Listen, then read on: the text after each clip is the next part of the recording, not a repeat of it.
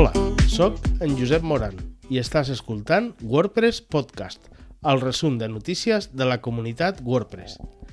En aquest programa trobaràs la informació del 8 al 14 de gener del 2024.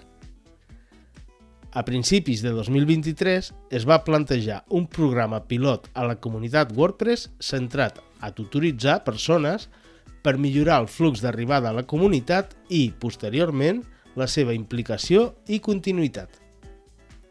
El Mentorship Program va començar de manera modesta, amb pocs tutors i alumnes. Amb prou feina arribàvem a una vintena. I cal dir que va ser un èxit absolut. Molts dels que van participar, tant com a professors com a alumnes, continuaran i fins i tot hi ha la possibilitat que aquests alumnes es converteixin en potencials tutors. El programa de tutoritzacions és, com el seu nom indica, una forma en què persones que ja tenen una experiència important al voltant de WordPress en general o d'algun tema en concret puguin ajudar a la formació de persones noves, tant aquells que no tenen cap coneixement i volen formar part del voluntariat, com aquells que han picat la porta una mica però no acaben de veure quin és el següent pas o com implicar-se més. I ara comença aquesta segona edició, que vindrà de la mà del llançament de WordPress 6.5. Qui pot aplicar?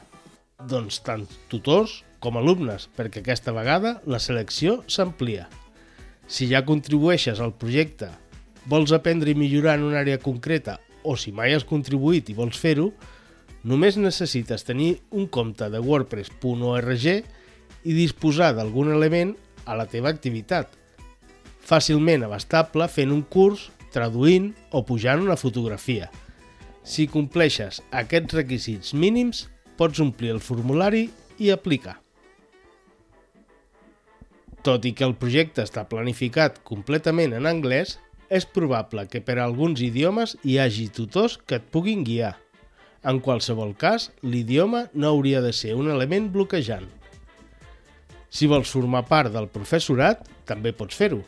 Si ets d'aquells que contribueix activament, ja porta un temps i té una o dues hores setmanals per ajudar a fer que una altra persona entri a la comunitat, ara és la teva oportunitat. Fins i tot, si no vols estar en el sistema general, però tens un projecte concret per aquestes setmanes, també pots implicar-te. Encara que ja existeix un gran grup de persones que formen part del professorat, pots aplicar per estar en aquesta nova edició com a tutor omplint el formulari.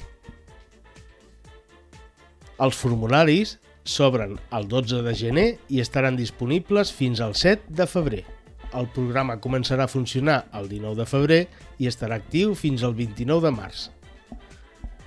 Tot i que aquesta no és l'única novetat.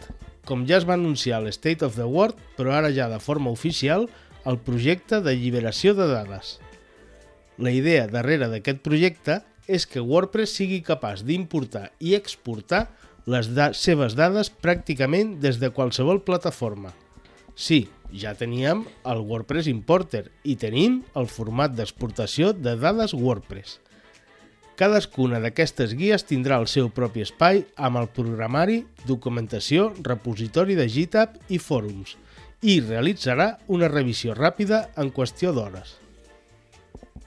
I una cosa que afecta la fase 3 de Gutenberg és la col·laboració en temps real dins de l'editor, per això s'ha contactat amb agències de primer nivell, tot i que la resposta ha estat bastant reduïda. Entre altres coses a destacar està que la col·laboració no és un focus actualment per a les grans empreses, que no significa que no ho sigui per altres, i es planteja que, en general, és alguna cosa que passarà fora de WordPress.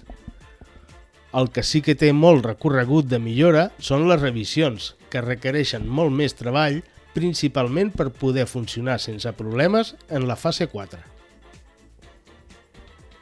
L'equip de performance està treballant ja en la integració, possiblement per a WordPress 6.5, del sistema de cau de les traduccions i de la possibilitat de donar suport al format AVIF, probablement primer amb un mòdul o extensió externa. L'equip de test ha obert la possibilitat de començar a revisar WordPress 6.5 abans del llançament de la seva primera versió beta. Hi ha quatre elements en els quals s'ha de posar focus. Les vistes de dades de l'editor del lloc, la sobrescriptura de patrons, unes revisions de canvis més robustes i la biblioteca de fons. L'equip d'accessibilitat ja s'ha posat en marxa amb les novetats que vindran a WordPress 6.5 com les vistes de dades, la biblioteca de fons, la paleta de comandaments, navegació o patrons. La majoria d'aquestes venen per l'altra prioritat de les últimes reversions de Gutenberg. L'equip de màrqueting ha obert una proposta de procediment de revisió dels jocs WordPress que apareixen a Showcase.